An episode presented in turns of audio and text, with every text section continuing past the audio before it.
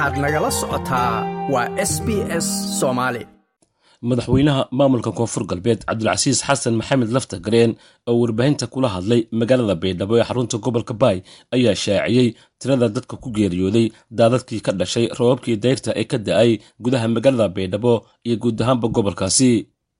Madaxweynaha ayaa sheegay in ilaa labayo toban ruux ay ku geeriyoodeen daadadkii ku dhuftay magaalada baydhabo isagoona ka sheekeeyey dhacdooyinka qaarkood siday u dhaceen intaan hubinno oo xogta dhabta ah labaiyo toban qof ayaa ku dhimatay kow iyo toban qofna ay rag yihiin halna ay gabar tahay.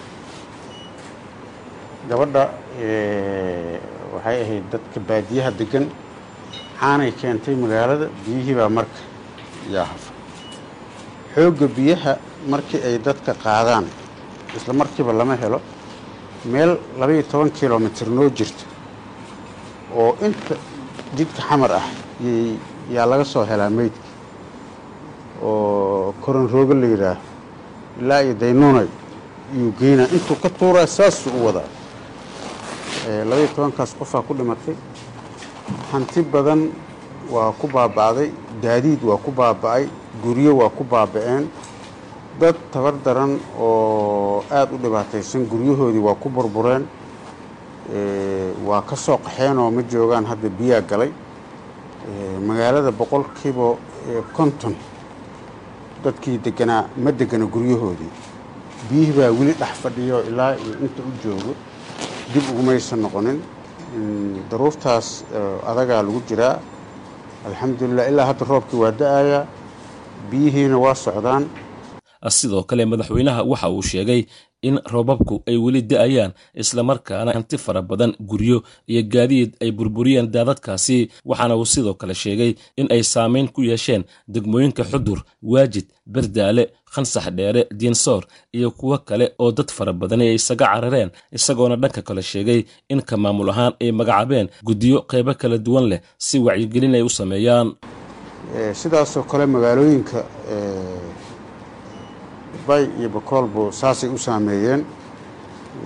Inta aan hadda ognahay degmooyinka xorta ahoo dhan saasay biyaha u galeen oo magaalooyinkii looga qaxay. Ugu horeyso xudur waajid berdaale qansax dheere diinsoor buur hakabo. Wallaweyn xalay wasiirkoo joogaa iiga warramayay intaas waa inta oo aan roobabka iyo biyaha socda ay saameeyeen. Inta webiyada ay saameeyeen ayagana sidaasoo kale waaye afgooye iyo awdheegle iyo janaale iyo maalmihii hore o dhan waa fiicnaayeen laakiin raboodkana soo gaarayo shalay ilaa iyo maanta webigiyaa soo gutaacay oo soo baxay beerihii soo gooyey magaaladii soo galay jidadkii xiray webigaa saas isagana ayaa u socdo. Afgooye iyo awdheegle iyo qoryooley iyo janaale oo ilaa iyo meesha la yidhaha marko buulamareer intaba waa soo gaaray.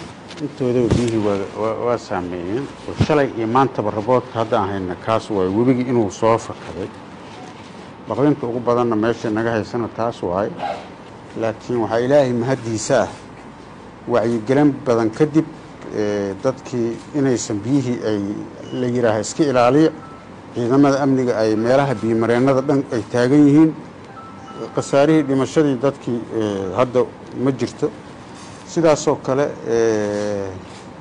wacyigelinta kadib waxaan samaynay guddi la yidhaaha guddiga fatahaadaha oo ka kooban noocyada kala duwan ee bulshada maamulka ha noqoto ciidanka ha noqdo boliiska uu ku jiro atmis ay ku jirto wasiirada ay ku jiraan la taliyayaasha madaxweynaha ay ku jiraan maamulka gobolkii degmada ay ka tirsan yihiin guddigaas oo aada u tiro badan yaan magacownay oon ugu talagalnay inay aada ula socdaan dhaqdhaqaaqa iyo wixii kasta oo soo kordho maadaama ay mar walbaba ay biyihii uu socdo. Dhanka kale ra'iisul wasaare ku-xigeenka xukuumadda federaalk ee soomaaliya saalax axmed jaamac iyo wafdi uu hogaaminayo oo gaaray magaalada baydhabo xarunta gobolkaasi ayaa halkaasi waxay kulan kula qaateen madaxweynaha maamulka koonfur galbeed iyo mas'uuliyiin ka tirsan maamulkiisii ujeeddada safarka wafdiga u horkacayo ra'iisul wasaare ku-xigeenka ayaa lagu sheegay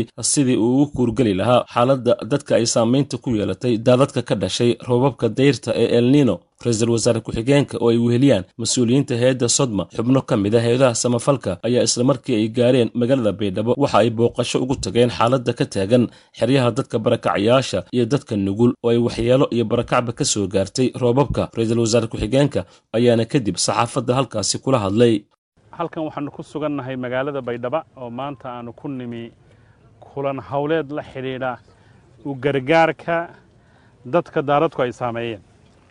Waxaan rabaa dadka soomaaliyeed inaan la wadaagno. Shalay uunbay ahayd markii hooyooyinkan iyo ubadkan dhallaanka ah iyo dadkan muwaadiniinta soomaaliyeeda ay la tacaalayeen abaar ba'an iyo biyola'aan dadka halkaaad ku aragtaan waa dadkii ka soo jeeday degaanada ugu wax soo saarka baran dalka soomaaliya. Waa dadkii beeralayda ah. Waa dadkii xilli roobaadka soo saari jiray soomaaliya inteeda kale.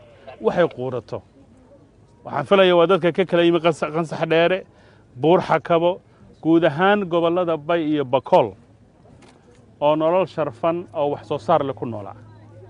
Waxaa soo barakiciyey talaxumo ay galeen dadka soomaaliyeed.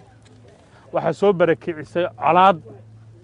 Waxaa soo barakiciyey qaar aaminsan afkaar guracan oo dalkii dad dab qabadsiiyey waxaa maanta duruuftan aad aragtaan ee caafimaad darrada iyo biyoyarida iyo cuntayarida ay ku sugan yihiin cidda u horraysa waxa laga sugaya waa dadka soomaaliyeed. Dowladda soomaaliyeed ee federaalka ah iyo maamul goboleedyaduba intii tamartooda way ku dadaalayeen dadka siday u caawin lahaayeen. Ra'iisul wasaare ku-xigeenka ayaa ugu dambayntii waxa ugu baaqay bulshada soomaaliyeed inay u soo gurmadaan dadka dhibaataysan ee ay roobabku saameeyeen maadaama dadkaas iminka ay u baahan yihiin in la gargaaro. Gobolka koonfur galbeed dad ku dhow dhowr boqol oo kun ayaa halis ugu jira waxyeellada daaradka. Waxaa halis ku jira intaasoo da'yar iyo waayeelba ah dadka intooda nugul ayaa halis ku jirta. Waxaan rabnaa arrintaa in indhaha lagu hayo. Culimmada soomaaliyeed oo guddida la shaqaysa waxgaradka aqoon-yahanada ardayga qof walba wuxuu hayo dadka waxa taro. Oo naftooda hala badbaadiyo. Maxaan saa u leeyahay? Biyuhu way yaraan karaan. Waxaa laga yaabaa wiiggii hore biyuhu inay halkan ka buuxeen soo saas maaha maantana inay yaro gureen. Laakiin raadkii ay ka tageen iyo saamayntii baa jirta caafimaad darro aad ayay arrintani u adag tahay. Dadka ha loo gurmado. Ma doonaysaa sheekooyinkan oo kale? Ka dhegayso apple podcast google podcast spotify ama meel kasta oo aad bodkastigaaga ka hesho